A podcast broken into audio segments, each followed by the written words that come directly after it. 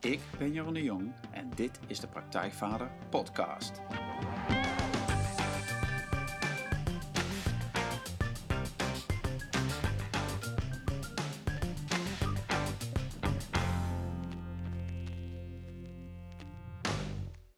Welkom bij een nieuwe aflevering van de Praktijkvader Podcast. Jeroen hier en goed dat je weer luistert. Zoals elke aflevering interview ik een inspirerende gast die jou verder gaat helpen bij de volgende stap in je vaderschap. Ik vraag schrijvers, coaches, wetenschappers, kunstenaars naar hun vak, hun ervaringen, hun tips en trucs over hoe je met meer ontspanning en plezier de vader kunt zijn die je je kinderen en jezelf gunt. En vandaag is filosoof, spreker, schrijver, cabaretier, podcaster en vader Paul Smit de gast. Welkom Paul. Ja, goedemorgen. Ja. Paul is een van Nederlands meest gevraagde sprekers voor het bedrijfsleven. Elke maand geeft hij meer dan 20 lezingen, workshops, presentaties voor bedrijven in binnen- en buitenland. En dan gaat het om bedrijven als ABN AMRO, Google en de NS, nog veel meer. Die lezingen die gaan over thema's als samenwerking, beïnvloeding en verandering. Paul schreef negen boeken, uh, waaronder Verlichting voor luie mensen, Non-dualiteit voor managers en Alles over niets. Wat een heel intrigerende. Ja, lekker abstract. Ja. maar Paul is nog veel meer dan spreker en schrijver. Uh, verrassend voor mij in ieder geval om erachter te komen dat hij uh, twee jaar diende bij de luchtmobiele brigade. Hij werkte als festivalmanager en bezat een IT-bedrijf.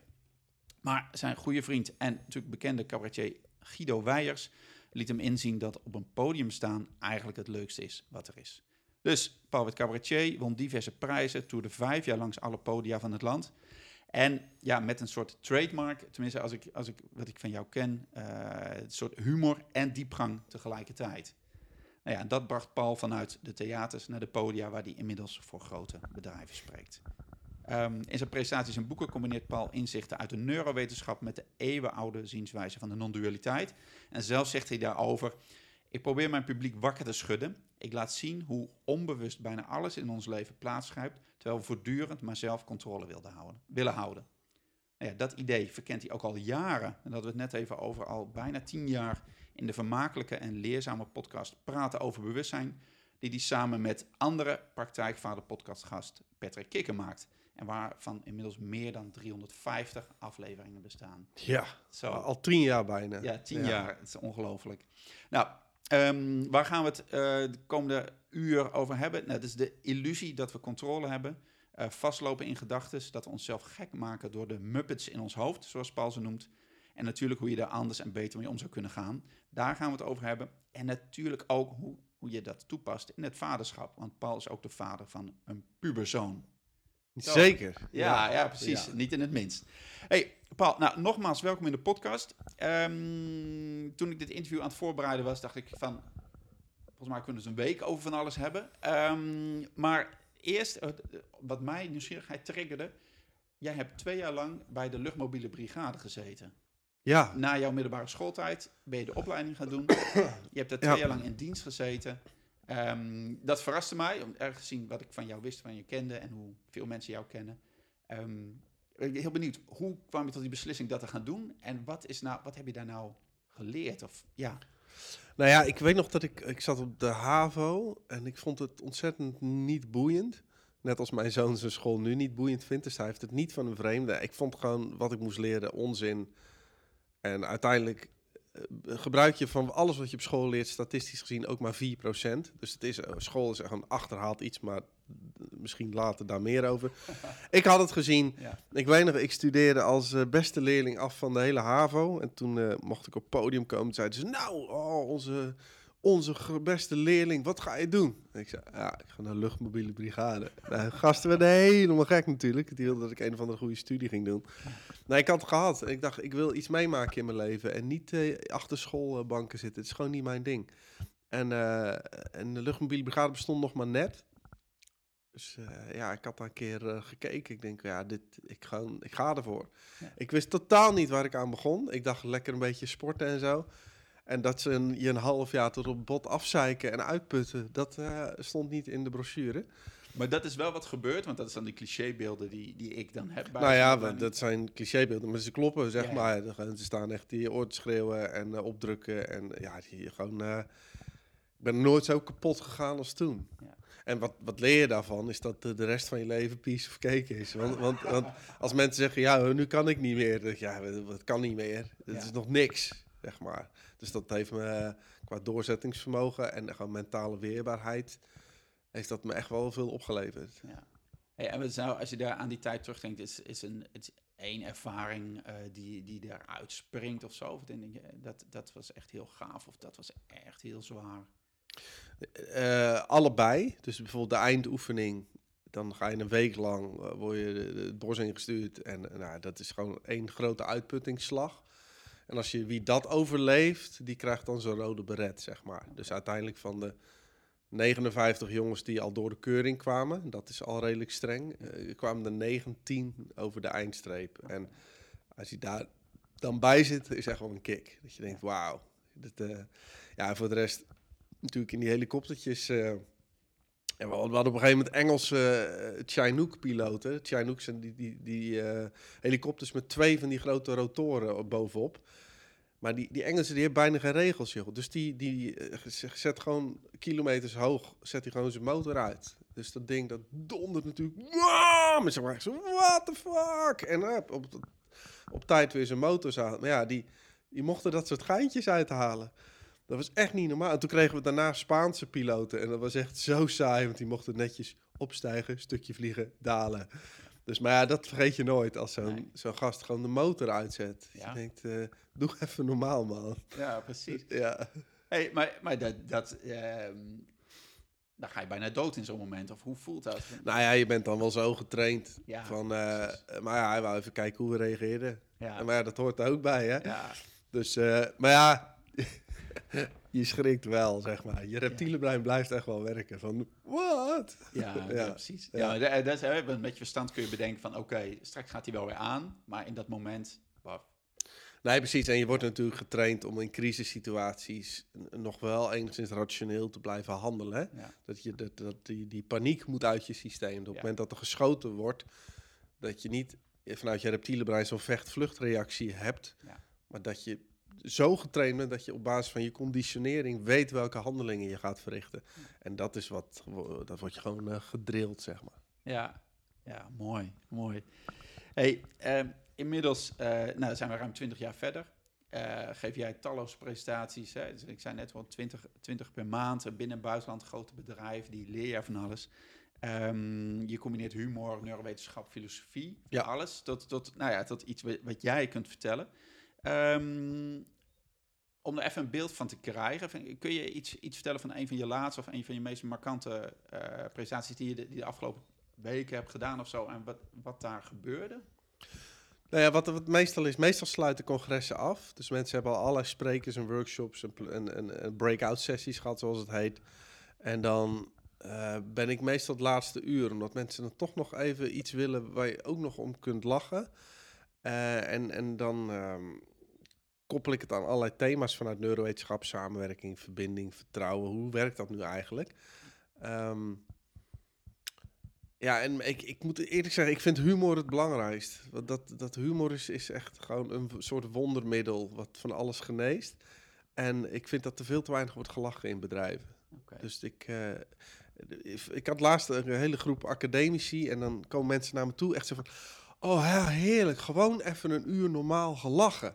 Ja. Dat ik denk, ja, het, het is allemaal zo serieus het leven. En eh, doe even normaal. Die, die paar jaar dat je hier leeft, neem het niet serieus. Het is zo voorbij, man. maar, Dus, dat, eh, maar ik ben benieuwd van, hè? Die, die, die bedrijven die, die huren jou in, maar die, die vragen misschien om meer dan een lach. Of- ja, maar waar ik ze om ja. laat lachen is ook wel echt wel eh, inzichten in dat Ja. gekke brein van ons. Dus uiteindelijk steken ze er ook wat van op. Ja. Maar mijn, mijn focus is in ieder geval dat ze lachen. Ja. En dat ik dan toevallig ook nog wat, wat nuttige dingen zeg. Maar ja, dan ook laat ik dat eh, niet overschatten, omdat ehm, eer dat een brein iets onthoudt of met een inzicht aan de gang gaat, ja, dat is echt niet omdat Paul Smit het één keer uitlegt. Hè? Dus dat is je- vaak de mensen die echt een aha-moment hebben, die zitten al in een bepaald proces, zijn al bezig met een bepaalde, noem het zoektocht of wat dan ook. En dan zeg ik toevallig op het juiste moment de juiste dingen en dan valt het kwartje. Ehm, en, en voor een grote groep, die hoort gewoon die informatie en die doet de volgende dag weer wat ze altijd deden. Dat is Ja. de realiteit. Ja. Hoe, hoe is dat voor jou? Wat, wat vind jij daarvan? Ehm, is dat oké voor jou? Of heb je zoiets, ja, het zou fijn vinden als, als dat wat, wat jij vertelt, hè, en misschien, eh, misschien maak je het wat kleiner dan het is, maar dat het meer beklijft of zo. Ja, maar dat gaat eh eer dat een brein. eh, kijk, een brein moet nieuwe verbindingen aanmaken voordat een inzicht integreert of gedrag verandert. Dus op het moment dat jij bijvoorbeeld eh, iets van 16 keer hetzelfde hebt gehoord, pas dan klikt dat brein en onthoudt hij het. Maar als ik één keer iets vertel, dat is niet genoeg. Hè? Nee. Dus het is, het is continu herhaald. Dit is ook hoe propaganda werkt. Hè? Als je het, het volk continu valse informatie voorschotelt, dan, dan weten die, die leiders ook dat wat jij gelooft is helemaal niet wat waar is. Jij gelooft datgene wat je het vaakst hebt gehoord, want die verbindingen maakt jouw brein aan. Eh, dus zo werkt het ook in de neuromarketing en eh, ook met verandermanagement. Dat is niet anders. Ja, dus mensen moeten heel vaak horen. Dus als ze nu in deze podcast luisteren en denken, hey, dat is interessant wat ik hoor, dan moeten ze gewoon 16 keer luisteren.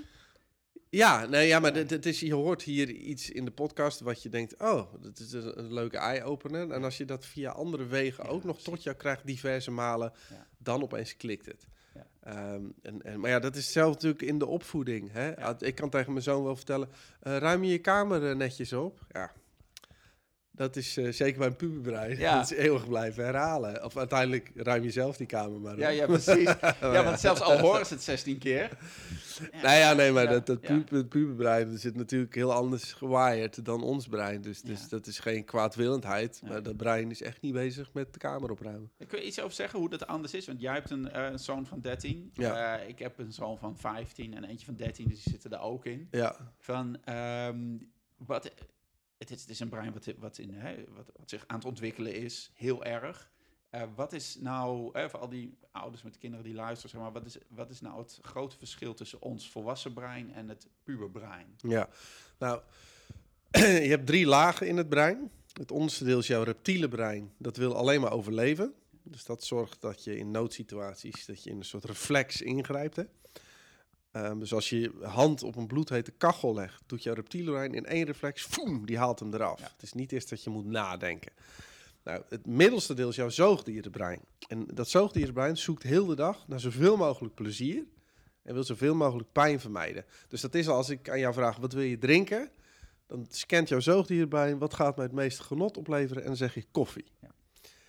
Maar, en eh, ons derde laag is de neocortex. Dat is het deel waarmee we kunnen nadenken, kunnen we complexiteit overzien, we kunnen plannen. Alleen, dat deel is pas volgroeid als je 23 jaar oud bent. Dus sowieso kinderen auto laten rijden op een 18 is eigenlijk krankzinnig. Want dan kan dat brein nog helemaal niet, die kan geen risico's inschatten. Dus dat zie je ook aan de statistieken. Ja. Die, de meeste ongelukken vinden dan plaats. Ja.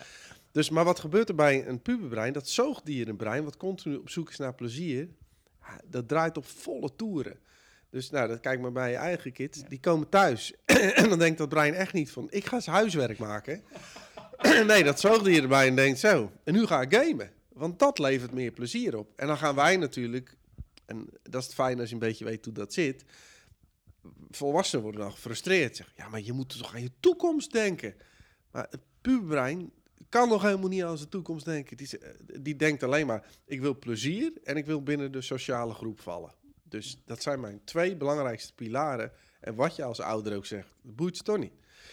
Dus als je zegt, ruim je kamer op, ja, dat zoogdierbrein denkt, dit, dit levert geen plezier op. Dus die laat er echt liggen. En die neocortex is nog niet sterk genoeg om zich te bekommeren om een opgeruimde kamer. Nee. Dus dat, eh, ja, dat is een beetje eh, schipperen in de opvoeding. Ja, want dan ben ik natuurlijk heel benieuwd van hoe jij daarnaar kijkt, hoe je dat dan doet. Want je hebt wel je kind, die woont bij je thuis. eh, je wil dat hij, eh, dat hij bepaalde dingen wel doet en bepaalde dingen niet doet. Ehm, en hoe kun je, hè, hoe kijk jij daarna van hoe krijg nee, dat klinkt, dat is niet wat ik wil zeggen. Hoe doe je dat? Hoe, hoe leef je wel samen, zeg maar, terwijl je weet dat je kind is gefocust op, op plezier en bij de groep horen?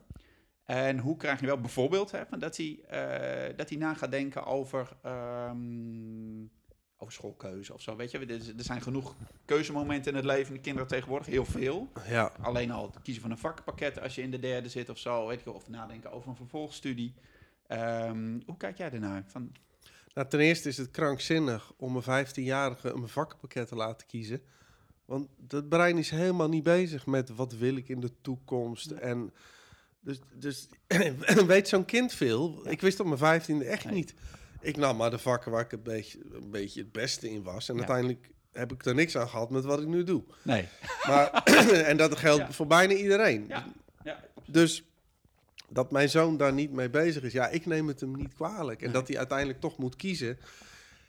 Ja, en dan, ik zeg, ik geef hem gewoon alle vrijheid. Ik zeg, kies maar wat, wat jij op dat moment het fijnst vindt. Want dan zit in ieder geval zijn intrinsieke Ja. eh, drive daar nog achter. Want je hebt natuurlijk ook die ouders die vinden dat hun kind een bepaald iets moet worden. En die Ja. gaan dan druk opleggen. Ja, en als iets niet werkt voor het puberbrein, is dat je, dat je er gaat, gaat duwen en trekken tegen. Dan krijg je alleen maar, dan gaat, komt hij in opstand. Ja. Plus dan krijg je kinderen die dan een doktersopleiding doen, omdat hun ouders dat zo graag wilden. Ja. En die hebben die doktersopleiding nou gehaald en dan, eh, dan gooien ze dat weg, gaan ze iets totaal anders doen. Ja. Dus daarin, eh, ja, geef je kind le- lekker vrijheid daarin. Ja. Ja, en dan ben ik wel. ehm, ik had eh, een tijd geleden ook Bertolt Gunstig geïnterviewd van, van Omdenken. Mm. En die, die zegt daarover, als je positie als ouder, die, die gebruikt vaak het beeld van, van een Sherpa. Hè? Je kind die is op reis of die gaat ergens naartoe en jij bent niet de gids. Maar jij eh, maakt het mogelijk dat hij zijn reis maakt. Dus jij draagt een beetje Ja, spullen mee. zeg mooie maar. metafoor. Ja, kun je daarmee in Ja, absoluut. Ja. Ja. Dus je onder- ondersteunt hem in, in eh, zijn reis. Eh, dat vind ik mooi gezegd. Ja. In plaats van dat je de reis uitstippelt.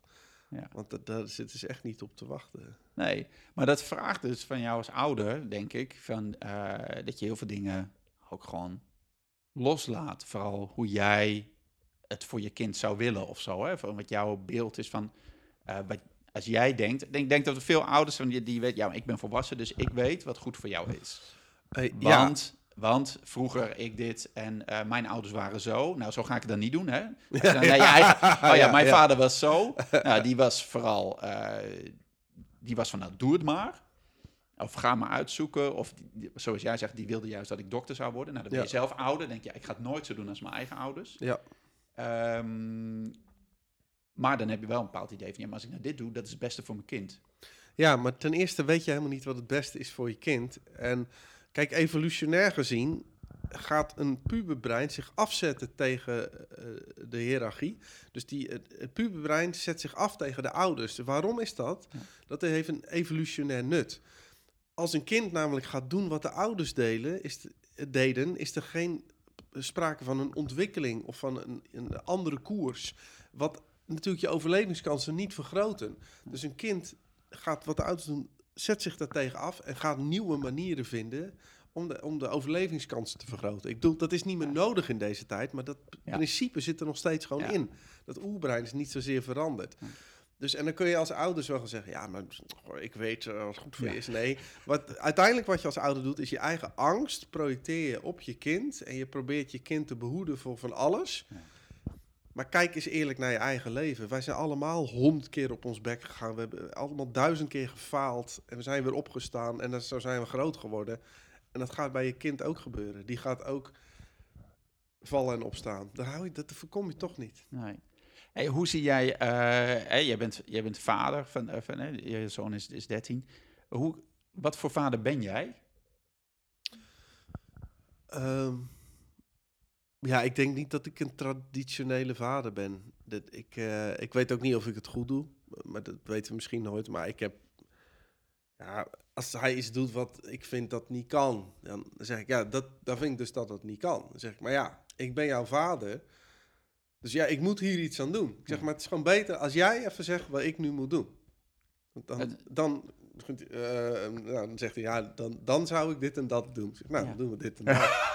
maar wat ik dan doe, is dat ik niet zeg maar, vanuit een hiërarchische positie hem ga vertellen wat hij moet doen. Mhm. Maar ik wil hem zelf laten nadenken van, zeg het maar, welke kant wil je op? Ja. En eh, tot nu toe blijkt dat best wel te werken.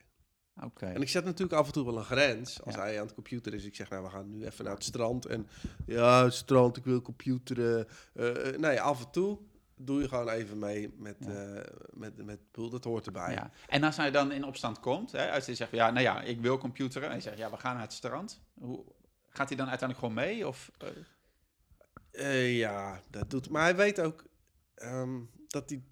Hij krijgt ook veel vrijheid. Dus, dus het- er zit niet iets in hem dat hij denkt: "Ja, word ik weer beperkt in mijn mogelijkheden. Ja. Dus en hij was vroeger lastiger, moet ik zeggen. Dat wordt steeds makkelijker. Ondanks de puberteit.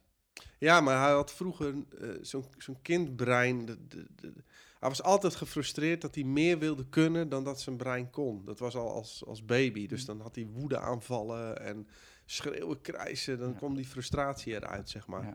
En omdat dat brein nu meer volgroeid is, er zit meer zelfbewustzijn in, meer zelfreflectie. Nou, ja, zie je dat er echt verbetert. Dat is wel Ja. fijn. Dat is, dat is wel, wel grappig. Want wij, eh, is als het bij mijn eigen, wij, eh, wij wonen in Nijmegen, vlakbij het bos. Dus wij wilden vaak het bos in. En de kinderen, Oh ja. kinderen wilden dat nooit. Nee. Behalve als ze er waren. En dan, hè, en dan wilden ze niet meer weg. Als we, ja, ze ja, hebben op een gegeven moment een regel van gemaakt. Vooral onze middelste, die had dat heel erg. Dat was de regel van Noek, noemde op een gegeven moment. Als ze dan zeiden, we gaan naar buiten. Dan, ehm, dan wilde hij het niet. Mhm. Maar in het bos was, was hij de laatste die, die hij wilde niet de auto weer in, zeg maar, of op de fiets. En dat, dat heeft hem op een gegeven moment wel geholpen. Daarbij bijvoorbeeld, ja, weet je, dit is de regel van Noek, weet je nog? Als jij, hè, oh ja, en op een gegeven moment, dat duurt een, maar op een gegeven moment was die omslag wel, zeg Ja, maar. slim. Maar dat, eh, dat duurde, duurde jaren, zeg maar, voordat hij die zelf kon Ja. pakken. Zo van, eh, een soort, soort in de toekomst kon kijken, van eigenlijk uit zijn huidige plezier, of wat dan ook was, van ik ben gewoon thuis en ik heb geen zin om mijn schoenen aan te trekken, Ja, of weet ik ja. moeite te doen. Ja, zo. Maar je ziet dat brein is aan het gamen. En die denkt, ja, nu moet ik iets anders gaan doen. Dit gaat ten koste van mijn plezier. Dus dat Ja. brein komt in opstand. Ja. Alleen inderdaad, eh, af en toe zeg je als ouder gewoon, ja, maar nu moet je, ga je gewoon even mee. Het is Ja. gewoon geen discussie. Ja. Maar ja, dan ben je op het strand of het bos of wat dan ook. En dan komen ze erachter, hé, hey, maar dit is ook leuk. Ja. Ja. Dus. Hey, en is dat ook van, eh, misschien werkt dat anders hoor, maar wat, wat, wat zo'n zo'n zo'n opvoedirritatie of struggle is van veel mannen of ouders, gewoon van met jonge kinderen, dat, ehm, dat die een ander tempo hebben en dan zeg je, nou, het is nu tijd om de jas aan te doen en naar school te gaan. Ja, die kinderen die, die zijn er helemaal niet mee bezig. Nee, En die sowieso hebben die veel meer tijd eh, nodig voor die dingen. Ja. Is dat, waar heeft dat mee te maken? Kun je dat ook verklaren vanuit... Nee, kijk, wij, onze volgroeide neocortex, die denkt al continu aan de toekomst. Hè? Dus die denkt, oké, we gaan eh, dus nu jas aantrekken, want dan zitten we over drie minuten in de auto. En dan zijn we over een half uur bij opa en oma. En dan gaan we om half zes eh, gaan we daar vandaan en dan moeten we even langs die... Dus wij hebben dat helemaal uitgekristalliseerd. Maar de tijdsbeleving in zo'n zo'n kind... Ja, dat kind is heel, die kan helemaal nog niet d- d- die planning overzien die jij hebt. Dus je projecteert je eigen paradigma op dat kind. En denkt, dat kind ziet dat zoals ik dat zie. Maar dat is natuurlijk helemaal niet waar. Dus het is ook als, als een kind bijvoorbeeld... eh, ja, ik ben mijn handschoenen kwijt. Ja, dan worden wij boos. Maar voor het brein van het kind... Ja, die is gewoon zijn handschoenen kwijt. Die ziet helemaal niet. Dat dat geld heeft gekost. En, en dat hij dan daarna koude handen zou kunnen gaan krijgen. Dat, dat leeft nog allemaal niet. En dan wij, wij wel. En dan worden wij eh, geïrriteerd. Ja, ik heb het ook af en toe. Ik ben Ja. gewoon mens. Ja, Dus eh, ja. En zeker als je dan inderdaad ook nog fulltime werkt. eh een hele huishouden moet runnen. En nog meer kinderen hebt. En ook nog gezeur hebt met je partner. En komt ook je kind nog. Ja, dan, dan ontplof je wel eens. Maar dat hoort erbij. Ja, dat, ongetwijfeld, dat, dat heeft iedereen en dat gebeurt. En ehm, heb jij een manier gevonden voor jouzelf om, dat, om daarmee om te gaan, met dat ontploffen? Of heb je zoiets, ja, dat gebeurt af en toe? Nee, ik word eh, milder. En ik merkte ook... eh, ik werkte wel heel veel, op een gegeven moment 60 uur per week. Was ik met alles bezig. En dan bouw je toch een bepaald eh, ritme op. En als hij er dan was, dan moest ik echt schakelen, zeg maar. En dan kon ik af en toe echt ontploffen. En dan dacht ik, ja, maar wat ik nu doe, is dat ik eigenlijk alles, alle druk van die 60 uur meeneem en projecteer ik op hem. Dus je ziet heel vaak als je frustratie hebt op je werk, krijg je partner Ja. te verduren. En eh, dat heb ik wel een paar keer dat dat misging, zeg maar. En dus daar ben ik, ik ben minder gaan werken sowieso. Maar ook alerten erop dat ik niet op degene die mij het dichtstbij staan, dat ik wat ik opbouw, bijvoorbeeld aan frustratie in het bedrijfsleven, dat je dat gaat uiten op de verkeerde mensen. Ja. Dat is wel grappig. Ik, ik hoorde daar pas een verhaal over bij eh, de, de lappen. Dus de, de samen. moet je- eh, Mhm. volk in, eh, die, als die op berenjacht gaan. Dat die mannen die gingen oorspronkelijk op berenjacht. Nou, dat is iets met veel agressie, veel Mhm. focus. En je had dan zo'n beer gedood. Nou, dat doet ook allemaal van alles in je lijf. Ze vol met adrenaline en, en bloeddorst op een of andere manier. Maar Ja. dat, dus, en dan kwamen ze natuurlijk, die beer namen ze mee naar het dorp. Maar dan moesten ze, voordat ze het dorp inkwamen, moesten ze eerst met z'n allen, een van bij de shaman, ik weet niet hoe ze dat deden, maar een soort reinigingsritueel doen. Ja, Dat al ja. die Ja. agressie die moest weg, want die mochten ze niet het dorp meenemen. Die mensen snapten dat. Ja, weet je, als jij daar die beer aan het jagen bent, dan zit je helemaal Precies. en die energie mag niet naar de vrouwen, de kinderen, het mag niet het dorp in. Ja. En dat is eigenlijk ook wat, wat jij Dus zegt. precies dit. Ja. Je hebt gewerkt. Je bent continu met mensen, meningen. Het- Er gaat heel veel in je om dan. Ja. Dus je hebt een bepaalde... Nee, dus niet eens stress, maar het is wel een bepaalde adrenaline Ja. waarmee je bezig bent. En dan kom je thuis Ja. en dan kom je in een heel ander ritme terecht. En dan moet je in één keer schakelen. Ja. Dus dan moet ik eigenlijk een shamaan hebben. Ja, Die eh, even zegt, eh, nou eh, Paul, kom even zitten. En maar, dat vind ik, dat Ja. vind ik iets, iets mooi. Dat is ook logisch. Even dat testosteron weer naar beneden, adrenaline naar beneden. dat. Ja, dus dat zou je eigenlijk gewoon, hè, dat kun je het ook op honderd manieren doen. Hoeft niet per se shaman, maar dat je daar bewust van bent. Ja, Hè, dus dat voordat je de deur binnenstapt, dat je, eh, weet je, mannen, gaat in mijn training ook wel eens, ja, loop even een blokje om. Of ga gewoon even ademhalen, of weet ik veel, zoiets. Dat je Ja. in ieder geval iets in jezelf doet. Want je weet ook niet wat je aantreft achter die deur. Hè. De ene, ene dag is het harmonie en is iedereen blij te zien. ja, En de andere moment is iedereen moe en zitten spaghetti aan het plafond eh, omdat het koken is mislukt. En Ja. eh, kom je in een stresssituatie terug. Hey, ehm, hoe, jij zei net even tussen neus en lippen door, soms is je zoon bij jou. Jij, jullie, jij bent niet meer samen met, je, met de moeder van je nee, al tien jaar niet Nee. meer. Dus hij woont hier tegenover. Oh, En, dus, eh, hij eh, is twee, ja. drie dagen per week bij mij. Ja. Oké, en hebben jullie daar een soort ritme voor? Of is dat vast? Of hoe doe je dat? Eh, we proberen zoveel mogelijk een ritme te doen. Alleen, we hebben allebei onregelmatig werk. Dus ja. het is altijd... eh, we hebben een gezamenlijke agenda in- op Google. En dan vullen we gewoon in hoe wat. En dat gaat eigenlijk wel eh, goed altijd. En, en dat is al tien jaar, dus hij is daar aan gewend, zeg maar. Ja. Ja, ehm, merk jij dat jij, ehm, misschien nu niet meer, maar misschien wel, dat jij ander, op een andere manier naar de opvoeding kijkt dan jouw, jouw ex-partner? En heeft dat soort invloed op, op jouw kind? Nee, die mazzel heb ik. Dat zij op dezelfde wijze naar de dingen kijkt. Dus eh, we zijn ook niet met ruzie uit elkaar gegaan. En nu nog steeds is dat eigenlijk... eh, nee, we hebben nooit echt een meningsverschil daarover. En dat is wel heel fijn, want dat Ja. zie ik bij andere stellen wel.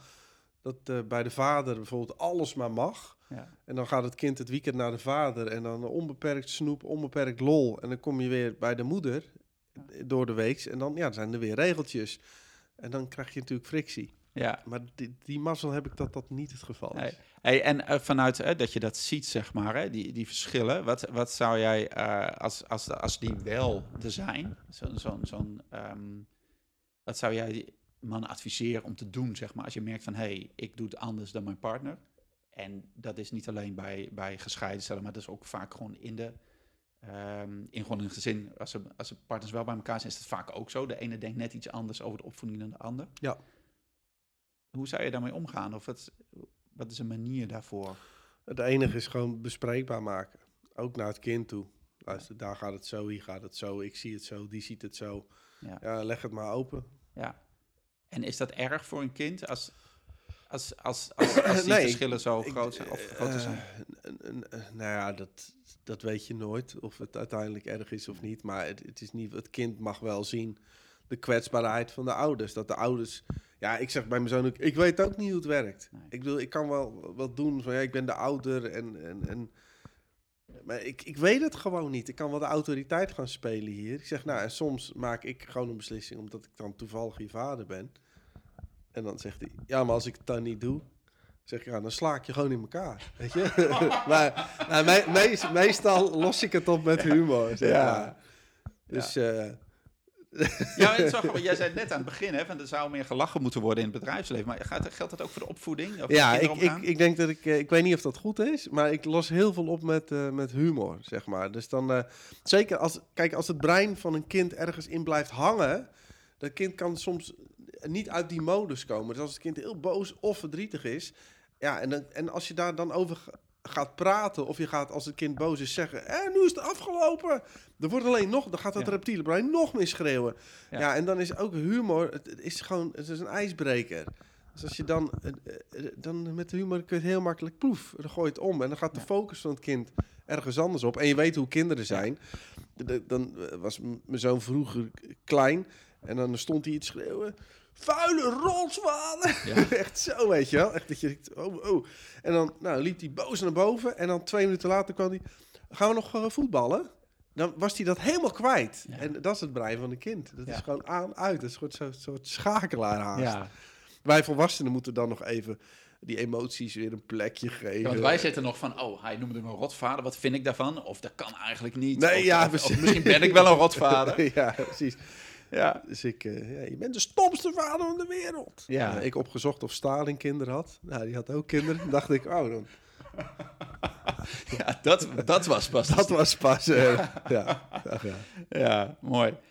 hey, eh, natuurlijk veel over kinderen nu. Ehm, de- maar wat je ook veel zegt, heel veel... Nou ja, hoe wij naar dingen kijken, doen we gewoon zelf. Hè, dat gaat niet per se over de kinderen, maar dat is hoe wij zelf als ouder ja, functioneren. maar alles wat je in het leven doet is een projectie vanuit je eigen subjectieve zienswijze. Dus, dus niets van wat je vindt is objectief. Niets van wat je vindt is waar. En we weten ook helemaal niet wat goed en fout is. We projecteren alleen onze eigen bagage op anderen. En dat is inderdaad wat je net al zei. Dat, eh, ja, zoals mijn ouders het hebben gedaan, ga ik het niet doen. Ja. En ja, dat doen we, onze kinderen ook weer naar ons. Die zeggen, ja, nou, Ja. die vaders van ons, die snapten er niks van. Nee, Ja, dus maar als je eenmaal gewoon het inzicht hebt dat, dat, dat jij de antwoorden ook niet hebt, maakt het het allemaal wel milder. Anders krijg je van dat eh, zo'n totalitair regime binnen zo'n zo'n gezin. En eh, nee, daar hou ik niet zo van. Nee en, maar is dat ook niet... eh, als jij toegeeft voor jezelf hè, dat je de antwoorden niet hebt... of helemaal geen antwoorden hebt... Of, hè, dat je, wat is dan... Waar handel je dan wel vanuit, zeg maar? Wat is dan je... Ergens... ehm, maak je keuzes in de opvoeding... of hoe je omgaat met je kinderen... of met andere mensen, met je partner. Waar, waar vandaan maak je dan wel die Ja, dat, dat doe jij niet eens. Dat is omdat meer dan 99% van alles wat je doet gaat sowieso onbewust. Dus bij al die handelingen die je dagelijks doet, daar denk je helemaal niet bij na. Dat is gewoon direct, instinctief, intuïtief handel je. En daarna pas komt dat bewustzijn erin en verzint een verhaaltje over waarom je dat deed. Dus, maar het is dus niet zo dat een mens eerst rationeel nadenkt over hoe zal ik eens handelen. Want zo zitten wij niet in elkaar. We zijn hele onbewuste wezens en eigenlijk is alles wat we doen gaat vanzelf. En daarna verzinnen we er een verhaaltje bij. Dus je kunt wel natuurlijk rationeel nu denken van als ik straks thuis ben, ga ik zo en zo doen. Dat weet je helemaal niet. Want het hoeft maar iets te gebeuren en je ha- handelt anders dan dat je had gedacht. En dit, is, dit geldt voor alles. Dit geldt van ja, vanavond ga ik geen bier drinken. En toch drink je s'avonds bier. En nu ga ik nooit meer vreemd. En toch ga je weer vreemd. Nu ga ik nooit meer lelijk doen tegen mijn kinderen. En toch sta je weer te schreeuwen. Dus we hebben die controle niet. Nee, Nee, dus dat is de, de mensen overschatten zichzelf daarin. Oké, maar wat hebben we dan wel? Want wa- wat is, ehm, wat, wat is er dan wel als we die controle niet hebben? Nou, ik zit te denken van, hè, van, van, van als je als ouder sta je voor, voor nou, zelf ook, jij natuurlijk ook van keuzes gestaan, eh, bijvoorbeeld schoolkeuze of zo. Ga je over nadenken. Mijn kind wordt vier, of Ja. ja. die, die, die, eh, er zijn, weet ik veel. eh, kan uit vijf scholen kiezen in de buurt of zo. Nou, ik ga een keuze maken. En daar ga je dan naartoe, gaat ze bekijken, je probeert de filosofie, je kijkt, nou, wat past het beste bij mij, wat past het beste bij de kind. Maar dan zeg jij eigenlijk van, ja, maar daar maak je helemaal geen keuze over. Nou, ik heb wat. eh, even, als je, over keuzes is de neurowetenschappelijke tip als volgt. Jouw bewustzijn is maar 60 bits per seconde. Dat is, dat is bijna niks. Jij kunt je maar focussen op één ding per keer. Dus nu ben je bewust van mijn stem. En je hebt- ben je nu niet eens bewust dat je die microfoon vasthoudt. En nu wel. Ja. Maar nu ben je niet bewust dat je je hand tegen je kin hebt. dus, en niet Ja. dat je adem haalt. Ja. En dus ons bewustzijn is echt een zaklampje die per keer op één dingetje schijnt. Nou, als, als ik jou nu vraag, wil je koffie, thee of cola? Met jouw beperkte bewustzijn kun je uit drie simpele keuzes, dat kun je nog wel bewust doen. Alle andere keuzes maak je onbewust. En jouw brein is heel slim, dus wat je doet, stel je gaat voor een school kijken. Het slimste is om dan gewoon alle scholen langs te gaan en gewoon bewust alles te bekijken en aan te horen. En uiteindelijk geeft jouw onbewuste brein jou het antwoord en dat kun je voelen in je onderbuik. Ja. Dus uiteindelijk is, is alle keuzes die we maken doen we vanuit gevoel. Maar het bewustzijn heeft, eh, helpt zeg maar jouw onbewuste brein om sneller te schakelen en om, om sneller dingen tot zich te nemen. Maar uiteindelijk is de keuze die je maakt dus puur op basis van eh, gevoel. Oké, dus wij denken dat we alle pro's en tegens netjes afwegen. Maar uiteindelijk Dat weet, Ja. Dit weten makelaars ook. Er komen mensen met een hele Excel-lijst over waar een huis aan moet voldoen. En die makelaars lachen zich rot. Want het huis wat je uiteindelijk koopt, die voldoet bijna nooit aan die lijst. Want als je loopt in dat huis en opeens zegt jouw onbewuste brein, Ja. dit is hem. Ja, En dat, dat, daarna verzin je wel met je bewustzijn een, een prachtig, dat heet cognitieve dissonantie in de psychologie. Ja. Dat we alles voor onszelf recht praten. Dus, dus jij praat altijd voor jezelf recht waarom dit huis het beste huis is. Ja. En zelfs als we dus iets heel duurs kopen, wat niet helemaal een goede koop is, dan praten we het nog voor onszelf recht, omdat we daar een goed gevoel bij krijgen. Ja, en omdat het dus lastiger is om toe te geven dat we niet de goede keuze hebben gemaakt? Of wat? Ja, nee, dat, want dat doet pijn. Ja, En als ik, eh, als ik zeg maar een. eh, eh, of Patrick had gisteren een tv gekocht van 65 inch. maar had er nog eentje van 55 inch staan. Ja. Dan kun je op zich ook nog redelijk naar kijken. En dan, dan hoort hij zijn eigen Muppets ook in zijn hoofd. Ja. Die praat echt recht waarom het echt een hele goede koop is geweest om die 65 inch ja. te doen. En zo, als, als je dit gaat herkennen bij mensen, dan wordt het echt hilarisch. Ja, maar dat, ja, dat kan ik me voorstellen. Ik vind het nu wel grappig. Want natuurlijk, je maakt, dat ken ik zo, je maakt een beslissing. Je, je doet iets, maakt niet uit wat, zeg maar. En, en dan wil ik wel dat dat eh, verstandig is of zo. Of dat ik kan uitleggen aan mijn partner of aan iets anders. Of aan mijn vrienden of weet ik veel. En, maar uiteindelijk is die beslissing al lang gemaakt. En, die- Ja. en, en maar wat zijn de, die Muppets, hè? Daar heb je het vaker over. Wat, wat, wat gebeurt er dan? Wat, zijn die Muppets? Nou, je hebt tussen de 30 en 60.000 gedachten per dag. Waarvan 95% is echt een soort waanzin, een soort ruis. Als je je gedachten hardop gaat zeggen, kom je daar ook wel achter. Dus een gedachte creëer niet. Die plopt gewoon in jou op. En het bijzondere is dat wij mensen niet eens weten dat we die gedachten niet zijn. We denken dat we ze zelf maken, wat niet waar is. Maar we gaan ze ook nog eens geloven. En Kun je een voorbeeld geven? Gewoon van, van iets? nou ja, dit is. ehm, als je, iedere therapeut of coach die weet, degene die bij mij komt zitten, vertelt altijd een verhaal. waarbij die zelf eh, echt heel goed uit de verf komt. Hè? Dus als je met relatietherapie zit, dan weten die man en vrouw, als je die apart spreekt, echt goed uit te leggen dat het niet aan hun ligt. Ja. Maar het ligt echt aan de partner. En dat komt omdat hun brein voor zichzelf, dat is die cognitieve dissonantie, praat continu alles recht. We hebben echt het idee dat zoals ik het doe, dat is echt heel eh, moreel verantwoord. Ja. Dus het ligt aan die ander.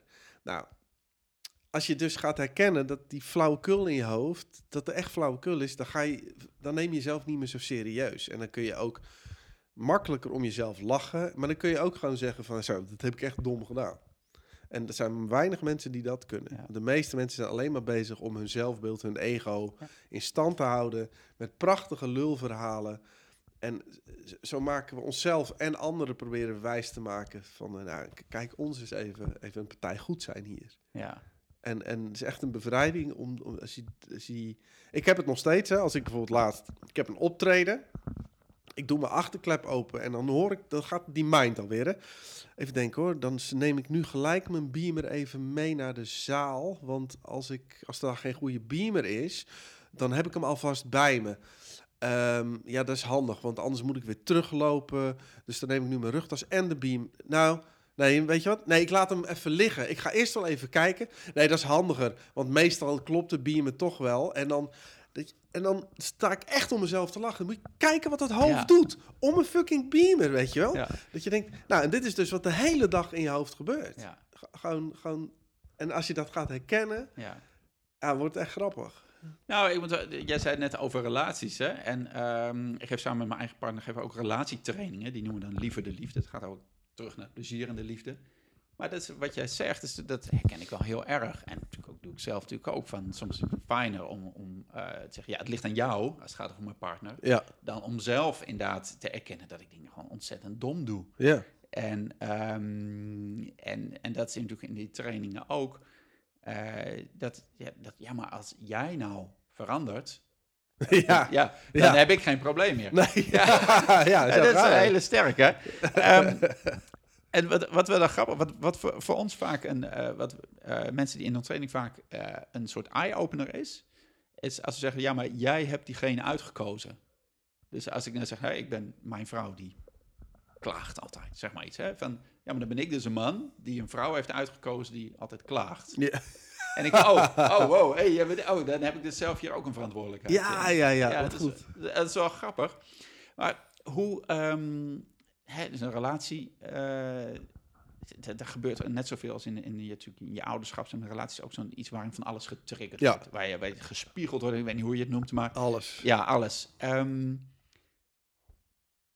hoe, ja, hoe krijg je daar dan, ja, misschien heb je het antwoord al gegeven, maar hoe krijg je daar dan weer een beetje het plezier in terug? Als je merkt hè, van dat, je, dat je ergens in een situatie bent beland met je partner, denk ja, weet je, we, we gaan lopen langs elkaar heen, mannen trekken zich vaak terug, vrouwen die willen maar blijven praten, Eh, maar dat je allebei merkt, ja, weet je, we komen niet verder.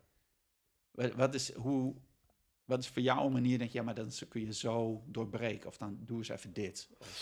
Nou ja, ik, ehm, kijk, wij hebben al ehm, de- het paradigma dat je een relatie moet hebben en dat dat altijd leuk moet blijven en dat het veel altijd moet duren. Ja. Eh, maar dat is helemaal niet hoe we biologisch in elkaar zitten. Dus we proberen een, een puzzel te maken die niet past. En nou, ik heb daar een heel boek over geschreven, maar het begint al met verliefd zijn. Als je verliefd bent, ben je één jaar ben je eh, eigenlijk ontoerekeningsvatbaar. Want jouw dopamine, dat giert door je hoofd. En dopamine is het, het stofje van verlangen. Dus je, je wil niets anders dan die ene zien.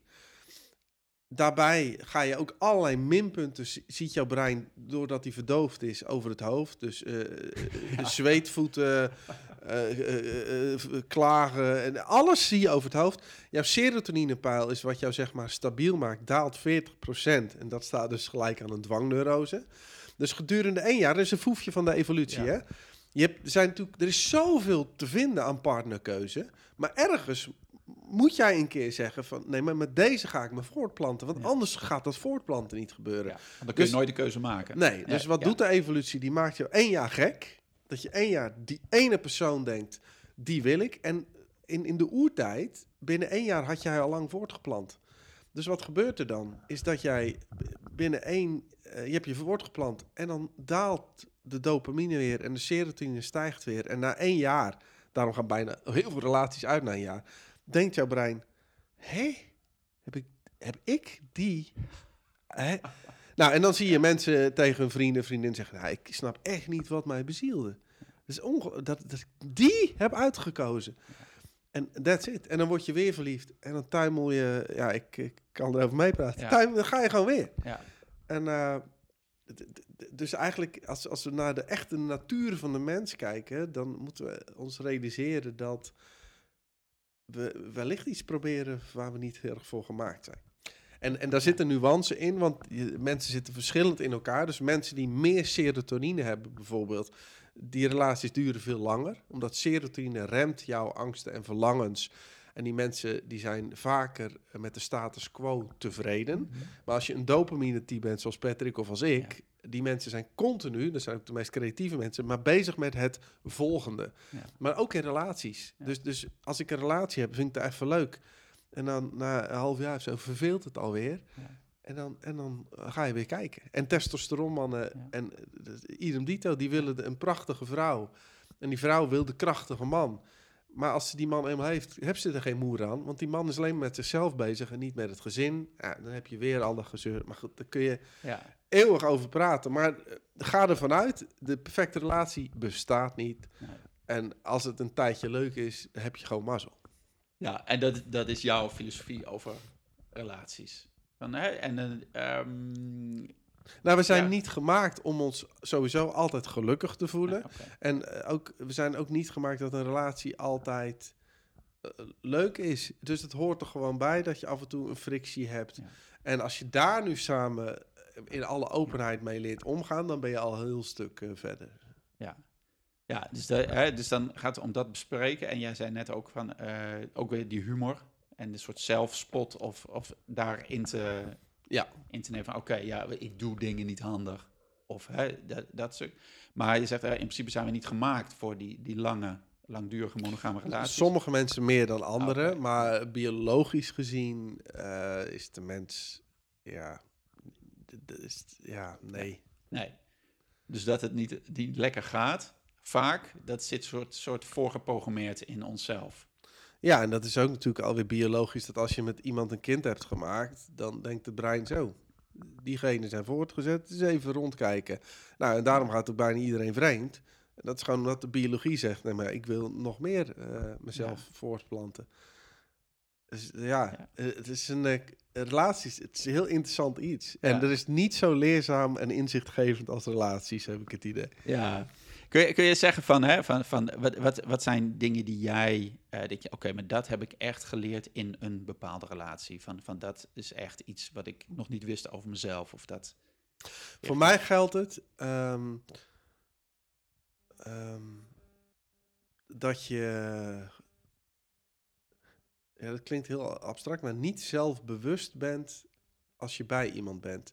Eh, ik ben nu al heel tijd met jou aan het praten en ik ben helemaal niet bezig met eh, hoe zit jij, wat doe ik. Dus er is geen. Het, het is gewoon intuïtief Ja. zoals we babbelen, zeg Ja. maar. Maar er zijn Ja. ook, als je bijvoorbeeld een, een eerste date hebt, een blind date bijvoorbeeld, en je denkt, oh shit, het is hem niet. Dan ben je continu zelfbewust aanwezig. Dan denk je, oh, wat moet ik nu zeggen? Hoe lang duurt het nog? Ja. Weet je? Vind je me wel leuk? Of uh, Juist. ze? Ja, ja, maar ik heb ook relaties gehad waarbij ik voelde dat ik zelfbewust aanwezig was. En dat zit hem er al in dat je ook denkt van, oh, eh, nou, even- laat ik dat onderwerp niet bespreekbaar maken, want dan wordt ze boos. Oké. En Ja. ik wilde die kant op bewegen, dus laat ik dit een beetje pleasend brengen. Ja. En dan neem ik even een bloemetje voor de mee, want dan eh, is ze gunstiger gestemd. Ja. Dus dan ga je op je tenen lopen heel de tijd. Ja. En dan zie je dat in relaties de ene gaat domineren en de ander zich heel pleasend gaat opstellen. Ja, en dat spel, daar heb ik echt geen zin mee. Nee. En dat heb ik best vaak gedaan. Ja. ja, dus die ken je van jezelf. Ja, Ja. Ja.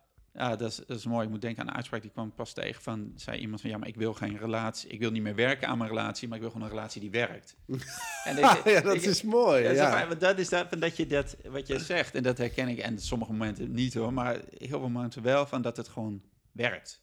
En dat je inderdaad zonder zelfbewustzijn, dat de dingen stromen, lopen. Ja. En met vriendschappen lukt dat dan bijna altijd veel vaker, laat ik het zo Ja. zeggen. Hè? Dan Als je met vrienden bent, dan is allemaal moeiteloos. En daarom, omdat je dan je zelfbewustzijn verliest, dat vinden we heerlijk, want dan ben je gewoon in flow, zoals Ja. het heet. Ja, En dat is met vrienden dan wel.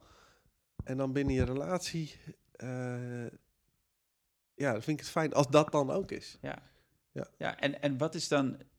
Heeft dat te maken met, met, eh, met een andere maat van intimiteit die je deelt met elkaar, waarom dat zelfbewustzijn er wel getriggerd wordt? Of heeft het te maken dat je, weet je, er zijn honderden verklaringen voor, maar dat, je, Mhm. dat je eigenlijk stiekem iemand uitkiest die wel heel erg hetzelfde is als je moeder of juist niet of zo? Van waar, waar zit dat hem in? Dat, dat, dat niet zelfbewust, hè, wat je zegt, dat pleasen of dat beetje dat eh, er omheen draaien, op teen lopen, dat dat in veel relaties dan wel de kop opsteekt. Ja, maar je, de- maar je ziet dat het ook begint op het moment dat er een gezin gesticht wordt. Hè? Want als jij nog met z'n tweeën de eerste jaren dat je leeft zonder kinderen, gaat het eigenlijk wel als een soort leuke vriendschap met Ja. seks en alles. En is het prima. Maar ja, dan op een gegeven moment, als je allebei werkt en je hebt dan ook nog eh, drie kinderen rondlopen, dan moet je gaan plannen en dan, dan gaat de spontaniteit er wat Ja. uit. En eh, ja, vaak gaan ook, ook die, die, die, die spelletjes ontstaan dan. En dan ben je dus zelfbewust aanwezig. Dan eh, ben je heel erg op je hoede met wat je wel en niet zegt. En dan Ja. ga je subtiel, onbewust wat manipuleren. En, dus, ja, en met vriendschappen is dat natuurlijk niet. Want als een vriend van jou vreemd gaat, denk je, ja, moet jij weten. Ja. Maar daar heb jij geen pijn van. Ja, maar ja, als je precies. partner het doet, dan... dat is een dan, ander eh, verhaal. Ja, dus dat, dat, die seksualiteit is daar ook wel een eh, speerpunt in. Hey, en als je dat nou merkt, hè, want dit zijn dingen die jij zegt, ik, het is echt in alle trainingen die ik geef voor, voor vaders, met, eh, komt dit terug, zeg maar. Mhm. Je relatie verandert met je partner. Ja. En eh, dat, is, dat is een gegeven. En jij zegt, nou, op een gegeven moment komen die soort die spelletjes of die manipulatie of dat, dat zelfbewustzijn komt erin. Als je dat nou merkt bij jezelf, ehm, wat, wat is dan, wat kun je dan doen? Eh, ja, het begint zeg maar denk ik gewoon met het eerst het inzicht in je eigen structuren. Dus je ziet dat het gebeurt. Ja. Ehm, en wat je ook dus vaak ziet, het begin is die relatie heel bruisend. Ja, en op een gegeven moment, de dopamine daarin neemt gewoon af. Dus de, de thrill die je in het begin vond, ook binnen de seks en de intimiteit en alles, dat, dat blijft niet. Dat is bij niemand. Eh, en dus ga je heel snel weer op zoek in de wereld om dat te pakken te krijgen. Ehm, ja, heb ik daar een, een antwoord op? Eh, dus ik had met Jan Geurts had ik het toen over dat als je ouder wordt, wordt dat vanzelf wat milder. Dus als je in het begin dan, dan, dan wil je dan uh, ga je ook vreemd en dan ga je ook allemaal dingen en buitenechtelijke relaties doe je. En als je dan ouder wordt, dan hoeft dat allemaal niet meer zo meer. Dus op een gegeven moment is het ook een soort acceptatie van dat wat is. Ja. Dus ik, ik hoef niet meer nu. Ik heb nu een leuke vriendin, maar ik, ik ben helemaal niet bezig met andere vrouwen nu en zo. En dat geeft me zoveel rust. Maar dit had ik waarschijnlijk tien jaar geleden had ik dit echt niet gekund. Want dan, dan zit je ook zelf nog anders in elkaar qua stofjes en alles. Ja. Dus ik denk, uh, voor mij is het ouder worden wat het, de antwoorden bracht. Ja, ja. ja. Okay. ja dus, dat is mooi. Dat is, uh, dat is grappig. Um, ik, ja, we hebben allemaal vragen die. Maakt niet uit. Um, ik wil terug naar, um, naar het ouderschap uh, nog wel hebben. Uh, um, heb ik een andere vraag. Uh, ja, ik wil het toch over hebben, want ik, vind, ik krijg mijn kop er niet helemaal rondom. Ik had met Patrick Kikken over, over non-dualiteit. Mm -hmm. Nou, daar hebben jullie heel de podcast over. Dat is iets waar jij ook gewoon helemaal in zit. Patrick heeft het uitgelegd. En ik vind het zo mooi omdat het ook heel erg, um, het haakt heel erg in, de, in het ouderschap. Van het, wat je net al zei van, um, nou ja, ik heb niet het idee dat ik het beter weet dan mijn kind. En uiteindelijk, uh, nou ja, non-dualiteit, uiteindelijk is alles één. Mm -hmm. um, kun jij, en ik denk dat je dat kunt, non-dualiteit uh, uitleggen, kort en beknopt, dat iedereen snapt? Nou, dat weet ik niet, dat durf ik niet te zeggen dat iedereen het snapt, maar en ook de link leggen naar het ouderschap. Ja, kijk, non-dualiteit, dat betekent uh, non-dualiteit, dus geen twee. En waar het naar verwijst, is dat alles uh, één is. Dus noem het, uh, zoals Einstein zei, één energie in beweging. Maar alles. Dat houdt in de lucht, het water, de boom, de hond, maar ook jij en ik. En al die energie, die beweegt gewoon spontaan. Wat inhoudt dat als wij zeggen, ja, de, de wind waait gewoon, zeg je, ja, is logisch. Het water stroomt gewoon, is ook logisch. De boom groeit gewoon, is ook logisch. En wij interviewen gewoon, is ook logisch.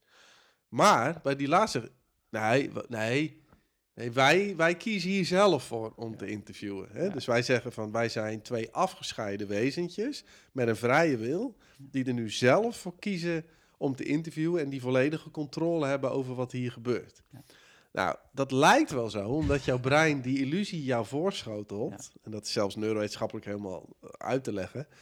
Maar zegt deze zienswijze, nee, het lijkt wel zo dat hier nu twee wezentjes zitten die ervoor kiezen om te interviewen. Maar eigenlijk, net als de, de boom, het water en de wind, gebeuren wij ook gewoon. En wat inhoudt dat alles gebeurt simpelweg en alles gaat zoals het gaat. Dus niets in het leven kan ooit anders zijn dan dat het is. Nou, maar als, als dat inzicht integreert, dan wordt het leven verdomd relaxed. Want waarom leidt de mens het meest mentaal? Dat is door het. We verzetten ons tegen hoe dingen zijn op dit moment. Dus we hebben continu naar het verleden toe schuldgevoelens, verwijten, frustraties. Van oh, dit had anders moeten zijn. Dat is de schuld van mijn ex. Of waarom overkomt mij dit? En naar de toekomst toe leven we nu al met mentale angst van ja, dit kan gebeuren en dat en wat als. Nou, en dus dat zijn al die muppets weer in je hoofd, al die tienduizenden gedachten. Als je nou dus ziet dat dat allemaal onzin is, dan kun je gewoon meer gewoon in flow zijn en van dit moment relaxen. En als, dit nou ook, als we dit koppelen aan opvoeding, wat doen we? We gaan onze eigen muppets, al die angsten, frustraties, eh, pijntjes, schuldgevoelens, projecteren we op onze kinderen. En dus ga je je kind op allerlei manieren duwen en trekken en, en een kant op sleuren. Ja, en dan snap ik dat je ook nog eens bij een gezin frictie krijgt. Want dat kind gaat zich verzetten. Ja. Dus, dus ga eerst eens leeg worden in je eigen hoofd. En dan uh, wordt het allemaal wat spontaner, zeg maar. Hey, maar het is wel, ik vind het ontzettend interessant. En ik heb veel van jullie podcasts geluisterd. En ik heb het gevoel dat ik dan af en toe zelf... dat ik, dat ik een glimpje ervan op en denk... oké, en momenten dat ik... oh ja, nu ben ik niet met de toekomst bezig. Ik ben niet met het verleden bezig. En dat is lekker. Mhm. Maar dan komt er toch weer een moment van... oh ja, maar... ehm, oh shit, bij mij... Hè, dus ik, ik werk als, eh, als zelfstandig ondernemer. Ja, Oh, mijn pensioen, zeg maar. Hè? Dus Ja. zo eentje komt dan voorbij. ja, Of eh, mijn kind moet een schoolke nou, schoolkeuze maken van... ja, als hij maar dit doet, want dan heeft hij later meer keuzemogelijkheden of zo. ja. Ehm, maar jij zegt van dat, dat bestaat eigenlijk allemaal niet. Hè, mijn pensioen bestaat eigenlijk niet, of later bestaat niet. Nou, sowieso, hoe, hoe dat allemaal zal gaan met je pensioen, dat weet je allemaal niet. Nee. Maar wat wel kan gebeuren, ook, ook jij en ik gebeuren gewoon, hè. Dus als in jou de gedachte verschijnt, ook moet dus een pensioen regelen en je sluit een pensioenverzekering af, dan vindt dat gewoon plaats. Ja. Dus er zijn wel ongeveer 5% wat ik zei, zijn wel nuttige gedachten. Hè? Als ik nu eh, weet dat jij langskomt, dan, dan zorg ik eh, vanochtend dat ik even koffie koop. Hè? En dat ik, dat ik een, een, een stroomblok heb. Ja. En, en, en dus we, wij, we plannen ook dat we hier zijn om Ja, half precies. elf. Ja. Dus het leven gaat gewoon door en je maakt nog steeds plannen en je denkt echt nog wel eens terug aan het verleden. Alleen de mentale kramp daarbovenop, dus die 95% onzingedachten, die vervallen. Dus als ik, eh, ik heb ook geen pensioen, dus daar denk ik ook wel eens over na. Nou, dan heb ik nu ook, hè, dat plopt dat in jouw bewustzijn en dan Ja. zie je dat jouw brein verzint een oplossing voor Ja. jezelf. En dan doe je dat. Ja. En hoe het nu vervolgens gaat, dat, dat ligt ook weer niet in mijn handen. Dus de, w- wij zijn echt beesten met heel veel controle, zeg maar. Dat Ja. hoeft niet, want Ja. die controle heb je bijna niet. Want die controle is überhaupt een illusie. De- zo, eh, er is de beleving van controle. Ja. Dus het lijkt alsof je de doener bent van, en van jouw keuzes, et cetera. Dat is prima. Ja. Dat gaat ook niet veranderen. Ja. Maar daarachter is de, het inzicht dat wat er gebeurt, gaat allemaal vanzelf. Oké, dus ik heb het idee dat ik, eh, dat ik een afspraak met jou maak, dat ik naar jou toe rij en dat we hier nu zitten. Ja. En dat ik er allemaal zelf voor gekozen heb. Juist. Nou, die illusie die is er. Ja. En die is, die is nuttig om, Die is nuttig. om te kunnen leven. Absoluut. Ja. Maar uiteindelijk, zeg jij, ehm, en jij bent niet de enige die zegt, dat is een eeuwenoude filosofie en dat is Mhm. gestaafd met, met de neurowezen. Ehm, ben ik, ja, wat, ben- wat ben ik dan? Dat is mijn vraag. Energie in beweging. Dat is wat je bent. Dus je hebt, het is energie met een vormpje. En, Ja. en dit is een plant. Dat is ook Ja. energie met een vormpje. En die Ja. groeit gewoon. Ja. Maar als we in deze plant nu een intellect en een ego stoppen, dan denkt opeens de plant: hey, ik groei. Ja. En die denkt dan: eh, oh shit, die plant is groter dan, dan ik. Ik ben niet goed genoeg. Oh, dan moet ik harder gaan groeien. Ik moet harder gaan groeien. Ja, maar wat als ik nu geen water krijg morgen? En Ja. dus anyway, ja, die begint dan ook te piekeren. Hè? ja. ja. Dus, dus en is- dan wordt het niet beter op. Eh, Nee, ja, die, die plant die groeit gewoon. Maar er is, Ja. er is niet iemand in deze plant Nee. die ervoor kiest om te groeien. Maar er is ook niet een ikje in jou of mij die ervoor kiest om nu te praten. Dus er is nergens in het brein een centrum te vinden waar dan de ik zou zitten, van waaruit keuzes worden gemaakt. Maar, dit, maar dit is, dat geldt voor ons. En dat geldt natuurlijk net zo goed voor onze kinderen. Ook. Die, die zijn ook. ehm, en, en, maar wat is dat dan? Dat eenheidsbewustzijn, hè? Zeg maar van dat, dat niet alleen eh, ik ben geen ikje. eh, en jij bent geen ikje, maar wij zijn ook nog eens, wij samen, zoals we hier zitten, maar ook ik met mijn kinderen, wij zijn ook nog, nou ja, je zegt niet twee, ik weet niet of we dan één zijn, maar hoe zijn we?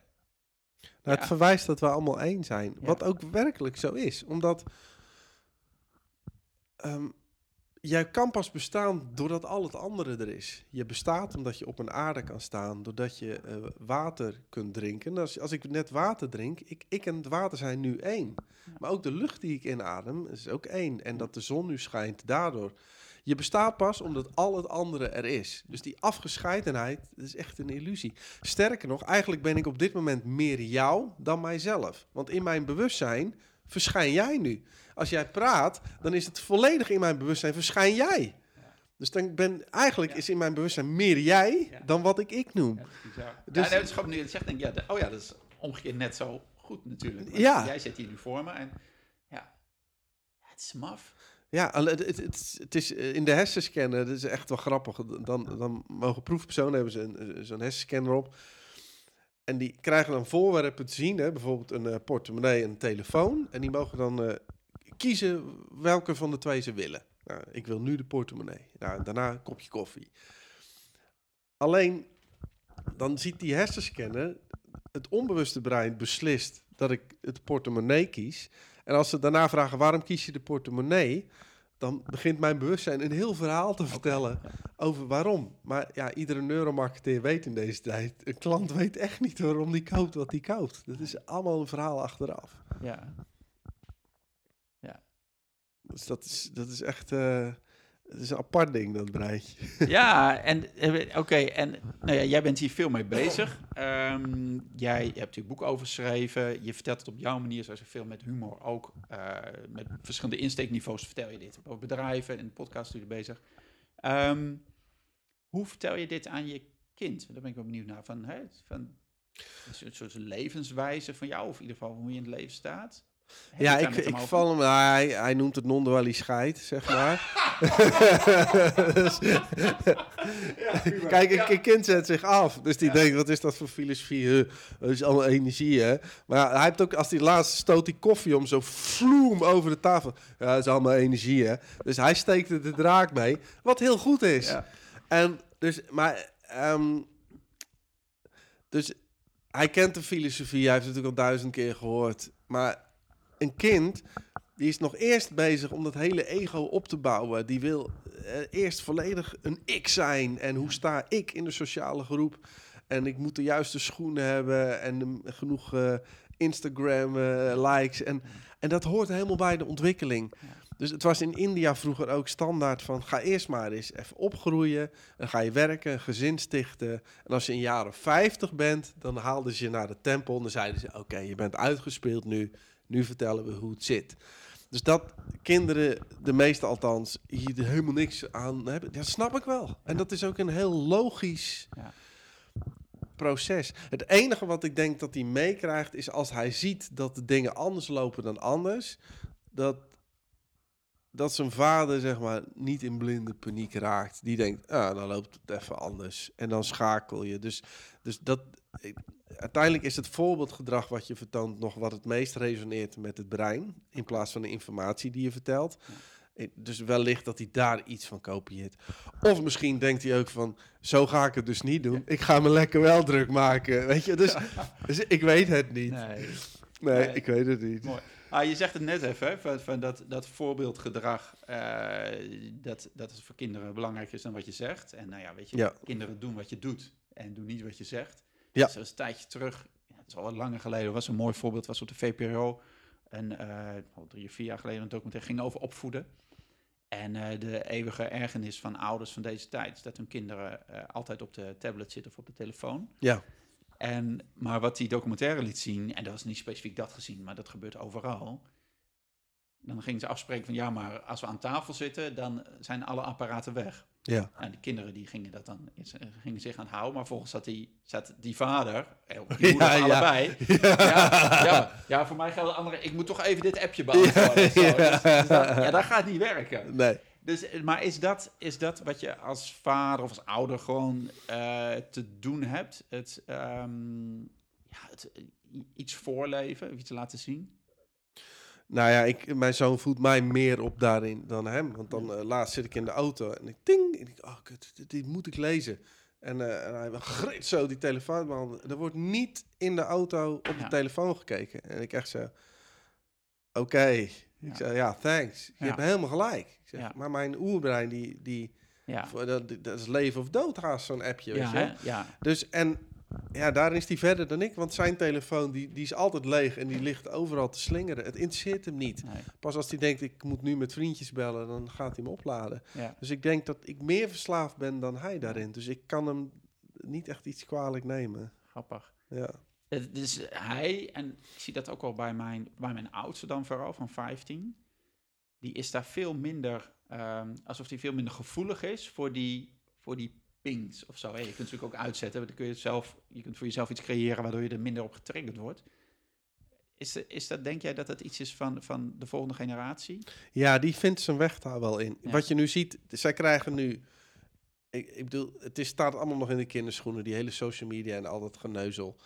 Ons oerbrein, die kan dit allemaal niet aan. Dat is veel te veel informatie. Als ik zie hoeveel berichten hij binnenkrijgt, dat is echt zo tak, tak, tak, dat zijn er wel 200 per uur op allerlei fronten.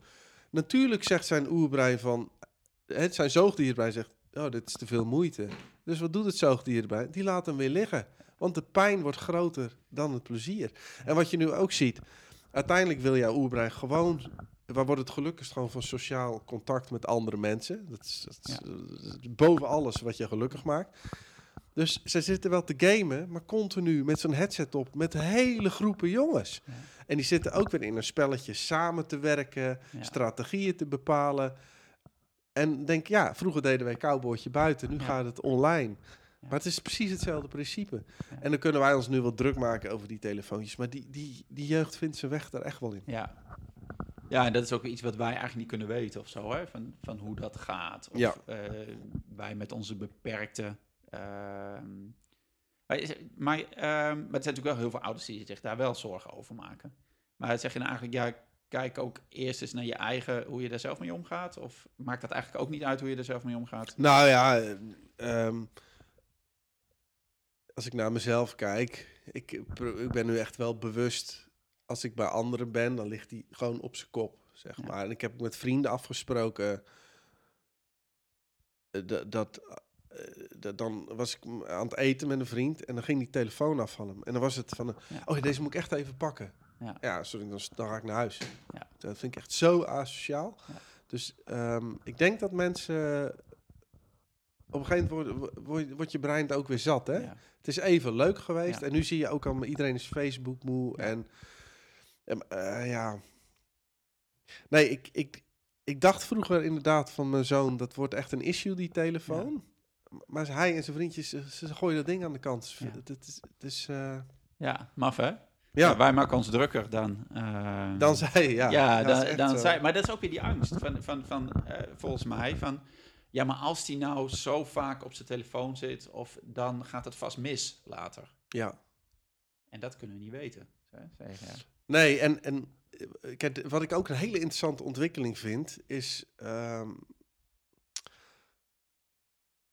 vroeger was er heel weinig keus. Dus je keek naar Nederland 1, 2 en 3. En eh, wat, wat er ook op tv was, je ging maar kijken of je het nou echt leuk vond of niet.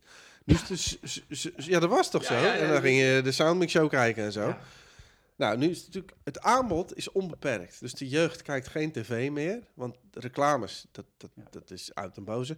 Maar je ziet nu al, ze kijken ook geen films meer. Wat doet mijn zoon? Die kijkt naar samenvattingen van films. En dan halen ze gewoon de beste scènes eruit. En hij heeft zoiets, ja, al die dialoog met dat geneuzel, dat kan weg.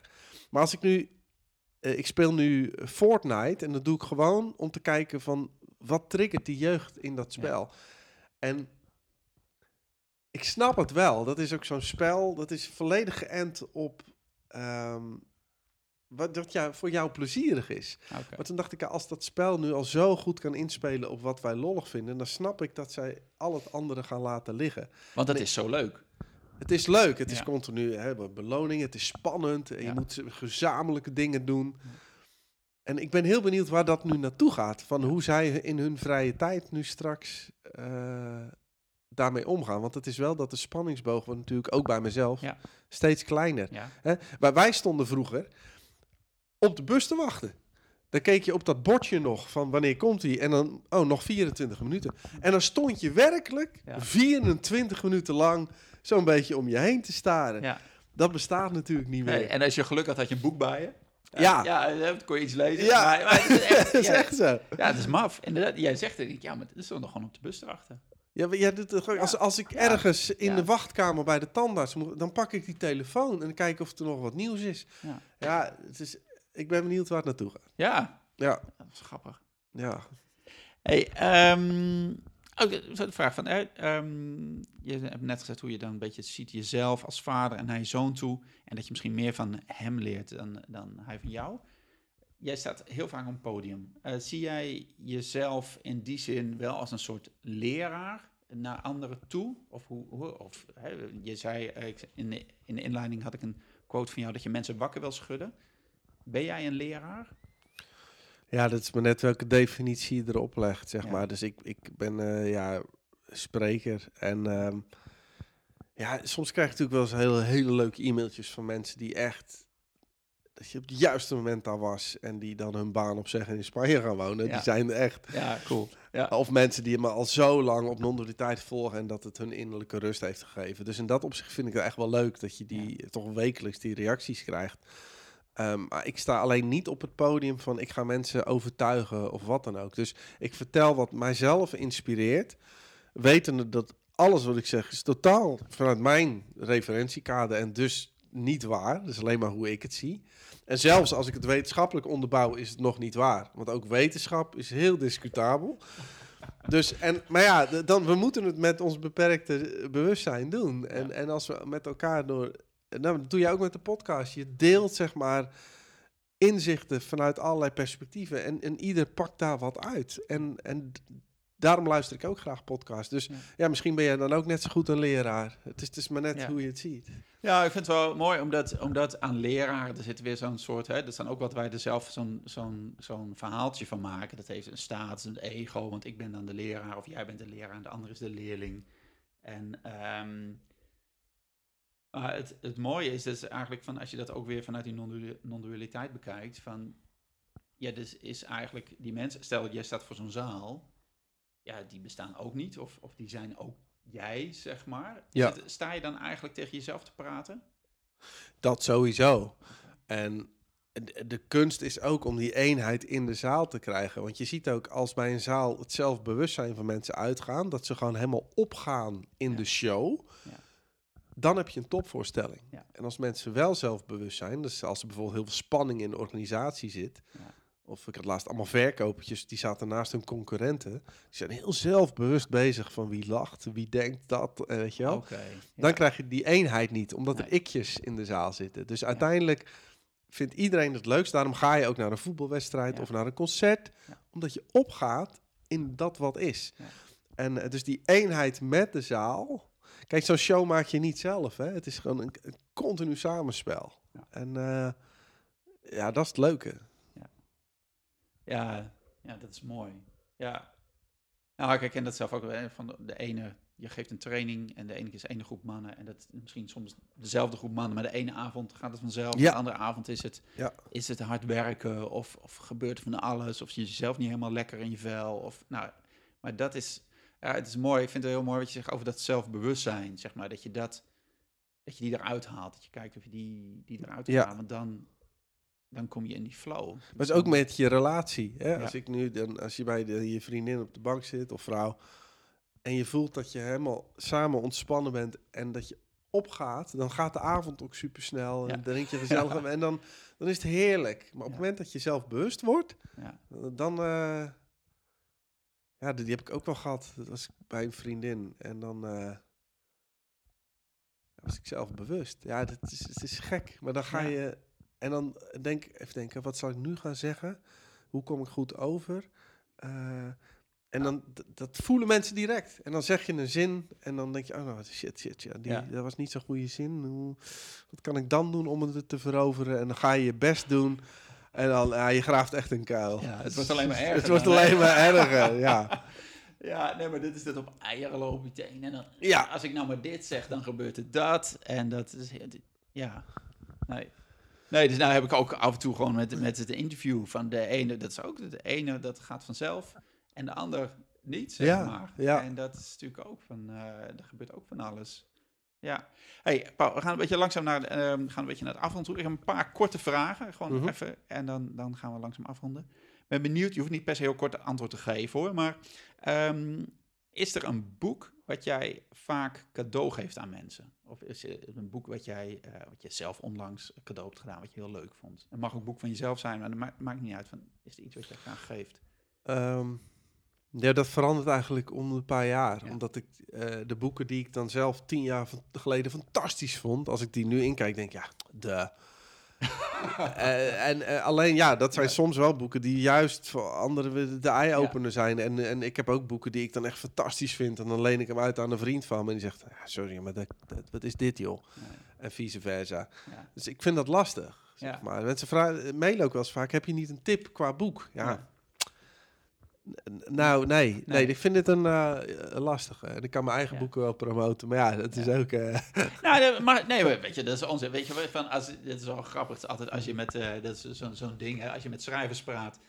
Als je met een filmmaker praat, die mag honderd honderd jaar over zijn eigen film vertellen. Maar als je met een schrijver praat, ja... ja, dat is meestal bescheiden, Ja. hè? Nee, maar, maar je, Ja. hebt, je hebt negen boeken geschreven. Ehm, ge- geef je die wel eens aan iemand anders? Ja, eh, ik- bij, ik geef altijd eh, bij ieder optreden verlichting voor luie mensen, geef ik er één cadeau aan de zaal. Ja. Zeg maar, dat is altijd een leuke binnenkomen. Ja. Dus die, eh, ja. Ja. dus die geef je regelmatig. Ja, de, eh, ja, Ja. twintig keer per maand. Ja, precies. Hey, dat, Sinterklaas. Maar, maar heb je dan één exemplaar wat je aan de, iemand geeft? Of geef je ze allemaal één? Nee, Dan wordt nee, het een ja, duur- ja, ja, moet daar je tarief omhoog. Ja. ja. Nee, ja, ik heb er dan eentje. Zeg, Ja, verlichting voor lui mensen wil eh, iemand die zegt van, nou, wil ik wel hebben. Ja. Hij is altijd, eh, maar dat is altijd leuk, want dan heb je gelijk, hoe heet je? En dan als Ja. ik dan mijn volgende interactiemomenten heb, Ja. Dan, eh, dan omdat je al, is het principe van wederkerigheid, Ja. je hebt dan iemand iets gegeven, dus dan gaat iemand heel makkelijk met je meedoen. Ja. Dus het is ook een soort eh, veiligheid creëren en Ja. eh, dus dat is Oh, altijd wel een leuke. Ja. Mooi, oké. Dus, ik zal een linkje zetten naar het boek. Het is een, helder, dun boek. Ja, ik was volgens mij maar 7,50 of zo. Dus die, Kijk, eh, man. dus, Nou. Hey, en als het gaat om je vaderschap, hè, is er iets wat je graag met je zoon zou willen doen nog? Ehm, en wat, wat er maar niet van komt of zo? Denk je, oh, ik zou een keer dit met hem willen doen en dat krijg je niet voor elkaar of krijg je niet gepland? Nou ja, ik, ik, heb, ik heb zoveel gewerkt de afgelopen tien jaar. En dat ik, ik ben nu het rustiger aan gaan doen. Nou, dat is nog wel 40 uur per week, maar voor ehm, jou rustiger. voor mij rustiger. Ja, ja, ja. Nee, ik ben al meer met hem aan het doen. Dus ik had nu eh, twee maanden terug. Dacht ik, we gaan wintersport. Had ik nog nooit gedaan. Dus ik drie skilessen geboekt, Snow World, iedere avond les. En de dag daarna, poef, naar wintersport. Ja. En dat soort dingen ga ik vaker doen. Ah, dat ik denk toch van... eh, dat komt door elkaar is 13, dus je kunt al veel meer met hem doen. Maar dat is wel iets waar ik eh, me meer bewust van ben. Van genieten van. Want, weet je wel, eh, dat hoor ik dan van andere mensen die dan volwassen kinderen hebben. Van, je knippert met je ogen en ze zijn het huis uit. En toen dacht ik, ja, enjoy it Ja. while it lasts, zeg Ja. maar. Dus dat ga ik meer doen, ja. Ja, gaaf. Moest pas eh, zei iemand van ja, dat, dat je dat als je dat meet in zomers, zeg maar. Zeker als je kinderen, ehm, nou ja, 13, 14, 15. Dus, dus van, nou ja, ik was zelf 18 toen ik het huis uitging. Ik denk, nou, stel dat mijn kinderen dat ook zijn. Oh, dan met mijn oudste heb ik nog, nog maar twee zomers. Ja, zo, ja, ja, ja. Oh, en dat maakt het opeens wel. Zo, ja. Ja, hey, dat knippen met de, precies wat je zegt. Knippen Ja. met zijn we- oh, dan heb ik nog twee zomers. Ja, Dan moet ik dus, nu moet ik nog iets doen. Ja. Straks, straks is die weg. En eh, hij is al de helft van de tijd weg. Maar ja, ja, precies. ja. Hey, en nog, en wat is de mm, eh, beste aanschaf die jij ooit hebt gedaan die iets te maken had met je, met je ouderschap, met je vaderschap? Een, ding of, of iets wat, wat ik denk, nou, dat heb ik toen gekocht. En toen die klein was, nu zeg maar, van, eh, dat was echt, dat heeft mijn leven toen echt verbeterd. Ehm, dit huis. Ja, ja, ja. Nee, maar dat is, ik, ik woonde eerst daar tegenover, 200 meter verder. En zijn oma woont aan de zijkant hier. En, en toen dit huis vrij kwam, dacht ik, wauw, dan kan ik hem... Toen was hij vijf, toen ik dit huis kocht. Dacht ik, dan ben ik in ieder geval... Een hele jeugd bij hem. En dat is nog steeds een gouden zet. Want hij loopt nu gewoon langs die drie huizen heen en weer. Het is zo moeiteloos. Dus dat is in mijn vaderschap voor hem... is dit mijn beste eh, keuze geweest. Voor zover ik die zelf maak. Ja, nou ja, maar ja. in ieder geval binnen het verhaaltje is dit echt wel een... eh, dus, dus ik verhuis ook voorlopig nog niet. Tot die eh, echt eh, de deur uitgaat. Dan ga ik wel iets anders zoeken. Maar Maar voor nu is dit... voor nu is het Ja. prima. Mooi. Ja. Je krijgt zo'n soort mini-stam eigenlijk, hè? Zo van, wat je zegt, zo'n de oma woont hier, je partner, je ex-partner woont daar, jij woont hier. Zo'n Ja, ja. soort tribe bijna. Nou ja, eigenlijk is dit ook... Ik, ik- vroeger, dan leefden wij in groepen van 150 personen. En dan was het echt niet dat jij met je partner je kind opvoedde. Nee, die werd door de stam grootgebracht. En vaak ook door de, de grootmoeders. En die bekommerden zich daar Ja. veel meer over. Dus dat is iets natuurlijker dan hoe wij dat nu doen. Ja. En ook dat die kinderen... Hoe hou je een kind bezig? Die moet je gewoon bij andere kinderen zetten. Maar, maar wij gaan ze allemaal in een, een, een, een blokkendoos zetten... Met een, met een iPad. Ja. En dan eh, nou, probeer je te vermaken. Ja, ik snap wel dat het kind rusteloos is. Ja, ja, mooi. Hey, ehm, ik ben benieuwd wat je op deze vraag gaat antwoorden. Want, nou ja, maar ik ben benieuwd. Ehm, stel, je kunt teruggaan naar het moment dat je je kind voor het eerst in je hand had, je zoon. Ja. Ehm, heb, heb je dan iets wat je tegen jezelf zou willen zeggen? Een tip of een advies? En nou weet ik dat jij, hoe jij over tijd denkt, hoe je erin staat, zeg maar. Dus dat kan niet, het kan sowieso niet. Of, maar zou je jezelf eh, een goede raad kunnen geven? Ik denk dat ik eh, mezelf heel veel eh, raad had gegeven. Hoe- waar was je toen? Wat, wat, kun je je leven plaatsen een beetje? Hoe zat je toen in je leven? Wat voor werk deed je? Wat- Was je? Ehm, ik had toen een IT-bedrijf. En ja, ik was nog heel erg bezig met, met ambities, zeg maar. En met hard werken. En ja, wat wist ik nog van het leven? joh? Ik was eh 28. En dan denk je dat je echt veel weet. Maar dus ik, ja, ik denk ook- in de opvoeding dat ik mezelf duizend tips had kunnen geven. Ik heb nu mijn, eh, mijn nieuwe vriendin, die heeft een eh, dochtertje van drie. En als ik zie hoe makkelijk ik met die van drie omga, maar dat is echt door alle bagage Ja. die ik nu heb. Alleen Ja.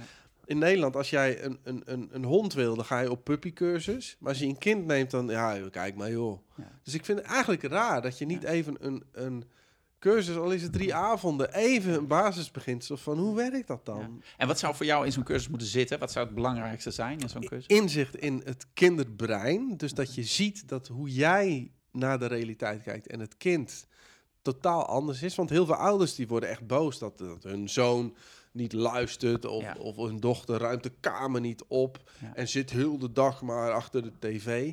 Maar als je snapt hoe zo'n brein werkt en dat dat kind daar absoluut niets aan kan doen, dan wil het niet zeggen dat je daar geen sturing aan geeft, maar wel dat er een begrip is van, oh, daarom doet dat. En maar dan ook, wat kun je dan wel anders doen om, om het wat meer in harmonie Ja. te laten plaatsvinden. En in plaats van, eh, nou ja, kijk naar het aantal kinderen dat wordt geslagen. En het is echt bizar. Het is allemaal wanhoop bij die ouders. Ja. Dus ik denk gewoon, gewoon bij een puppycursus krijg je het ook een basisbeginsel van, nou, puppy zit zo in elkaar en dan moet je even die patroontjes leren en dan gaat hij gehoorzamen. Ja, ik, ik, bij een brommenrijbewijs moet je al, al eh, weet je, Ja. moet je dat halen voordat je op een brom mag. En bij een kind, wat het belangrijkste is eigenlijk in het bestaan, Ja. Is het van, eh, nou gelukkig zijn de podcasts. Ja, hè? ja, precies. Ja. Maar ja, dus eh, Ah, dat is wel mooi, van, want dan, wat ik mooi daarvan vind van wat je zegt, als je snapt dat je kind anders in elkaar zit of dat hij anders werkt, eh hersenen, nou ja, persoonlijkheid, maar, maar dan, dan gaat het ook, is het ook niet meer persoonlijk. Want wat ik Juist. veel zie van, ja, van in, in, in mijn training dan, van ja, maar dat mannen zeggen, ja, maar ik, ik doe het niet goed. Ja. Of hè, die betrekt dan op zichzelf, zeg maar, of legt het juist bij het kind. Maar in ieder geval, het wordt, wordt zo'n strijd tussen persoonlijkheidjes of persoontjes of ego's, hoe jij het zou zeggen misschien. Terwijl, oké, maar er is gewoon een verschil in hoe wij in elkaar zitten. Dus jij hebt een, moet jou anders benaderen. En dat, ja, dat is niet omdat jij mij de stomme papa vindt, maar dat is omdat wij nou helemaal anders, andere Ja. belangen hebben of anders over de dingen denken. Mijn vriendin had nog een mooi voorbeeld. Die ging naar haar broer toe. En dus ze zegt tegen haar dochter: Wil je op de fiets naar mijn broer? Dat is weet ik, 10 minuten fietsen of zo. En meisje, ja, op de fiets, op de fiets. Nou, dus zij wandelt, kind op de fiets. En dan halverwege zegt kind: Nee, ik wil niet meer fietsen. Ja, maar zij was al moe, had hard gewerkt. En, en, en dus die begint helemaal uit. Ja, jongen, jongen. En nu opeens stop je. En je zegt net: Ik wil nog naar mijn broer. Nou, we gaan wel terug. En op een gegeven moment zegt ze, dus ik loop met die fiets in mijn hand voor mijn kind uit, zo boos naar mijn huis. En zeg ja, en dan sta ik bij mijn huis en denk, wat ben ik nou in godsnaam aan het doen? Zo'n kind, als ik zeg ik ga naar mijn broer, snapt helemaal nog niet wat is de afstand tot daar tot, hoe lang duurt het. Dat kind denkt alleen maar op punt 1, fietsen is leuk. En die denkt na vijf minuten, fietsen is niet meer leuk. Dus nou, dan moet ze ook om zichzelf lachen. En zeg ik, ja, maar ja, dat soort dingen, daar kan ik er ook wel duizend Ja. van opnoemen. Hoe ik Ja, dat kennen we allemaal. Ja, ja, dat Ja. je echt denkt, wat sta ik nou te doen, man? ja. Eh, ja, dus Ja. je blijft mens Ja, daarin je blijft mens. Ja, mooi. Hey, als, als laatste. ehm, we hebben een hoop gezegd, maar als jij nu kijkt, hè, gewoon, eh, je ziet zoveel mensen in, je- in jouw zalen, in jouw presentaties. Nou, die mensen hebben ook van grote hebben die ook allemaal kinderen. Ehm, wat is volgens jou, en misschien voor jezelf, misschien maar van, van ouders van onze generatie die nu opgroeiende kinderen hebben. Wat is de grootste uitdaging waar wij voor staan? Uh, het is twee uitdagingen. De ene is de, de totale informatieoverkill waar we mee te dealen hebben. Dus we krijgen veel te veel tot ons. En dat is gekoppeld aan de andere. Er wordt veel te veel van ons verwacht. Dus je ziet ook nu al kinderen en, en studenten in een burn-out glijden. Het is allemaal presteren, het is druk zetten, het moet sneller, het moet meer. En uh, dat is eigenlijk zijn we met z'n allen vastgelopen. Zeg maar. Als je nu is, op dit moment is 34% van onze bevolking emotioneel instabiel. 12% heeft burn-out verschijnselen. Meer dan de helft heeft overgewicht. 33% heeft uh, slaapproblemen. We hebben een samenleving gecreëerd die een totale mismatch is met ons oerbrein. En dus we moeten eigenlijk eens even, even gaan herevalueren van wie zijn we als mensen, wat, wat willen we nu eigenlijk? Want we, we maken elkaar helemaal gek. Dus, dus daarom uh, is mijn tip, stap een beetje uit die, die red race. Het, is, het wordt echt er moet zoveel, man. Je moet op je werk presteren en thuis. En dan moet je relatie ook perfect zijn. Je moet je kinderen perfect opvoeden. Dan moet je ook nog naar, naar de sportclub. En, en, dan moet je ook nog wat vrijwilligerswerk doen. En moet je ook je vrienden nog zien en je familie. Uh, ja, het is, gewoon, het is too much. Ik krijg al stress als je het rijtje opnoemt. Nee, ja, maar dat is toch leuk. Ja, dus ik zeg, ik, eh, ik ben uh, vanaf 1 januari ben ik op alles nee gaan zeggen. Ja. En dat is echt lekker. Ja. Ja. Gewoon, ik ben heel selectief in wie ik nog zie. Ja. En ik heb goed gekeken wat maakt me gelukkig en wat niet. Ja, en dan maak je daarin. Uh, dus dan is wel inzicht, brengt je dan wel weer iets dat uiteindelijk je andere keuzes gaat maken. Maar vaak moet je dan eerst een beetje vastlopen voordat je dat doet. Hè? Ja, vaak wel. Ja, maar dan moet je wel. Dan word je gedwongen tot, ja. tot de inzicht. Ja. En, en nou, het zou mooi zijn als, als mensen het nu al doen. En uh, ja, en anders dan komt hij op een andere manier langs. Ja, maar de mensen die naar jouw training komen, die komen ook niet van, nou, wij hebben echt zo'n leuke relatie. Dat gaat eigenlijk moeiteloos. Ja. Nee, die hebben allemaal, komen ze uit een urgentie, een crisis. En die zeggen, nou, ja, help. Ja, ja, we willen meer, we willen het leuker hebben, we willen... Ja, ja. precies. Ja. Soms zitten wel, dat is wel grappig, soms zitten wel stellen tussen. Die komen van, ja, wij hebben het, wij hebben het oké, of wij hebben het leuk. En willen eigenlijk weer iets leuks doen met, met z'n tweeën, zeg maar. Nou, dan komen ze bij ons en dat is vaak hele fijne energie in zo'n training. Leuk. Dat, dat uh, levert iets op. Vaak ook wel mannen in de vadertraining die ook uh, zeggen, ja, maar ik wil gewoon, ik wil gewoon iets gaafs doen met mannen. En dat is heel fijn om, om die te ja, te hebben. Ja, ja. Want het, dat lift, lift de sfeer, zeg maar. En uh, dat, is, dat is mooi. Maar over het algemeen zijn natuurlijk wat je zegt. Je gaat iets leren omdat je iets nog niet kan. Of dat je iets meer wil. Vaak dat wel. je iets, ja. iets, iets gaat doen. En wat leren jullie bijvoorbeeld in zo'n training? Wat, wat zijn tips en tricks of eye-openers? Nou, in de, in de relatietrainingen gaat, gaat het heel erg over, um, over nou ja, is dat allemaal weer bij jezelf halen. Mm. Dus, dus uit die kluur, mensen zitten vaak nou ja, in een kluur verstrikt. Van, ja. van, en dat zijn allemaal patronen en nemen van alles mee en projecteren van alles op de partner. En om dat even, weer even bij zichzelf te houden. Ja. Uh, en uiteindelijk ook van, ja, het, het besef bij te brengen van... hé, hey, maar ik ben verantwoordelijk voor de situatie waar ik in zit. Ik kan wel mijn partner van alles de schuld blijven geven. Ja, maar dat... Ik kan mijn partner niet veranderen. Alleen dat, dat oké, ik kan mijn partner niet veranderen. Ja. Nou, dat, dat willen mensen soms in eerste niet horen, maar uiteindelijk komen ze wel achter. En dat geeft natuurlijk wel lucht. Ja. Want het, het is allemaal bij jezelf. En dat is in de vadertraining is dat ook vaak hoor. Mannen komen binnen met een vraag. Um, soms, soms ja, maar ik, deze situatie met mijn kind krijg ik niet rond. En die willen natuurlijk vaak iets, iets veranderen. Ja, ja, ja. ja. En uh, dan is er ook, ook, ook weer van, het gaat heel veel over eigenaarschap, verantwoordelijkheid nemen voor jouw situatie. Ja. En, uh, en daar doen natuurlijk van alles mee en verschillende dingen, maar dat, dat is wel de kern van, hey, ik, ik kan alleen maar voor mezelf zorgen eigenlijk. Ja, ja. En hoe kan ik het beter hebben? En als ik goed voor mezelf zorg, nou, grote kans dat met mijn kind dan ook beter Ja, precies. Ja. ja dus dat, leuk, uh, leuk man. mooi. ja. Hey Paul, als, als allerlaatste, yes. als mensen meer over jou willen weten, um, want, uh, nou ja, waar, waar, kunnen ze terecht? Waar moeten ze dan zijn? Uh, nou, mijn zakelijke ding is paulsmit.nu. Dat is gewoon wat ik in het bedrijfsleven doe. Ja. En wil je informatie over non-dualiteit en alles, dan is non-dualiteit.nu een soort uh, vergaarbak van ook alle podcasts, maar ook wat uitleg met filmpjes en ja, dat soort dingen. Mooi. Nou goed, ga ik, eh, die linkjes ga ik, ga ik er eh, op de Leuk. website zetten ook. Dus kunnen mensen allemaal nog eindeloos, echt 350 podcast, video's, filmpjes, allemaal van je Maar vinden. je zegt zoveel die podcast. Ja, ja, Wat leuk is, het gaat nu bijna niet meer over non-dualiteit. Het is echt slap ouwe hoer van 240ers die het ook allemaal niet meer weten. Nee, maar het is echt, dus het wordt steeds leuker. eigenlijk. Ja, mooi. mooi. Het is leuk om te luisteren. Ja. Oké, Paul, hartstikke bedankt voor het gesprek. Ja, was leuk. Hey, gek, leuk. Yes. En ehm, als je nu zit te luisteren, ehm, nou, goed dat je er weer was. En eh, zoals ik net zei, de linkjes naar, naar meer informatie over Paul kun je vinden op de website. Dat is praktijkvader.nl slash podcast. Daar vind je dit interview terug en ook alle andere meer dan 40 afleveringen. Eh, als je wilt kun je heel makkelijk abonneren. Dat kan helemaal gratis via iTunes. Eh, als je een Apple-telefoon hebt, kan via Stitcher. En dan krijg je iedere keer als er een nieuwe ehm, aflevering is, krijg je zo'n melding. Als je die in hebt geschakeld tenminste. En eh, dat kost helemaal niks en dan kun je ze gewoon terugluisteren. Maar je kunt ze ook op de website afluisteren. Gewoon rechtstreeks op je laptop, je tablet, je computer. En dat is praktijkvader.nl slash podcast. Ehm, ja, goed dat je er was. En ik zie, hoor je graag weer bij de volgende aflevering. Oké, heb het goed. Doeg!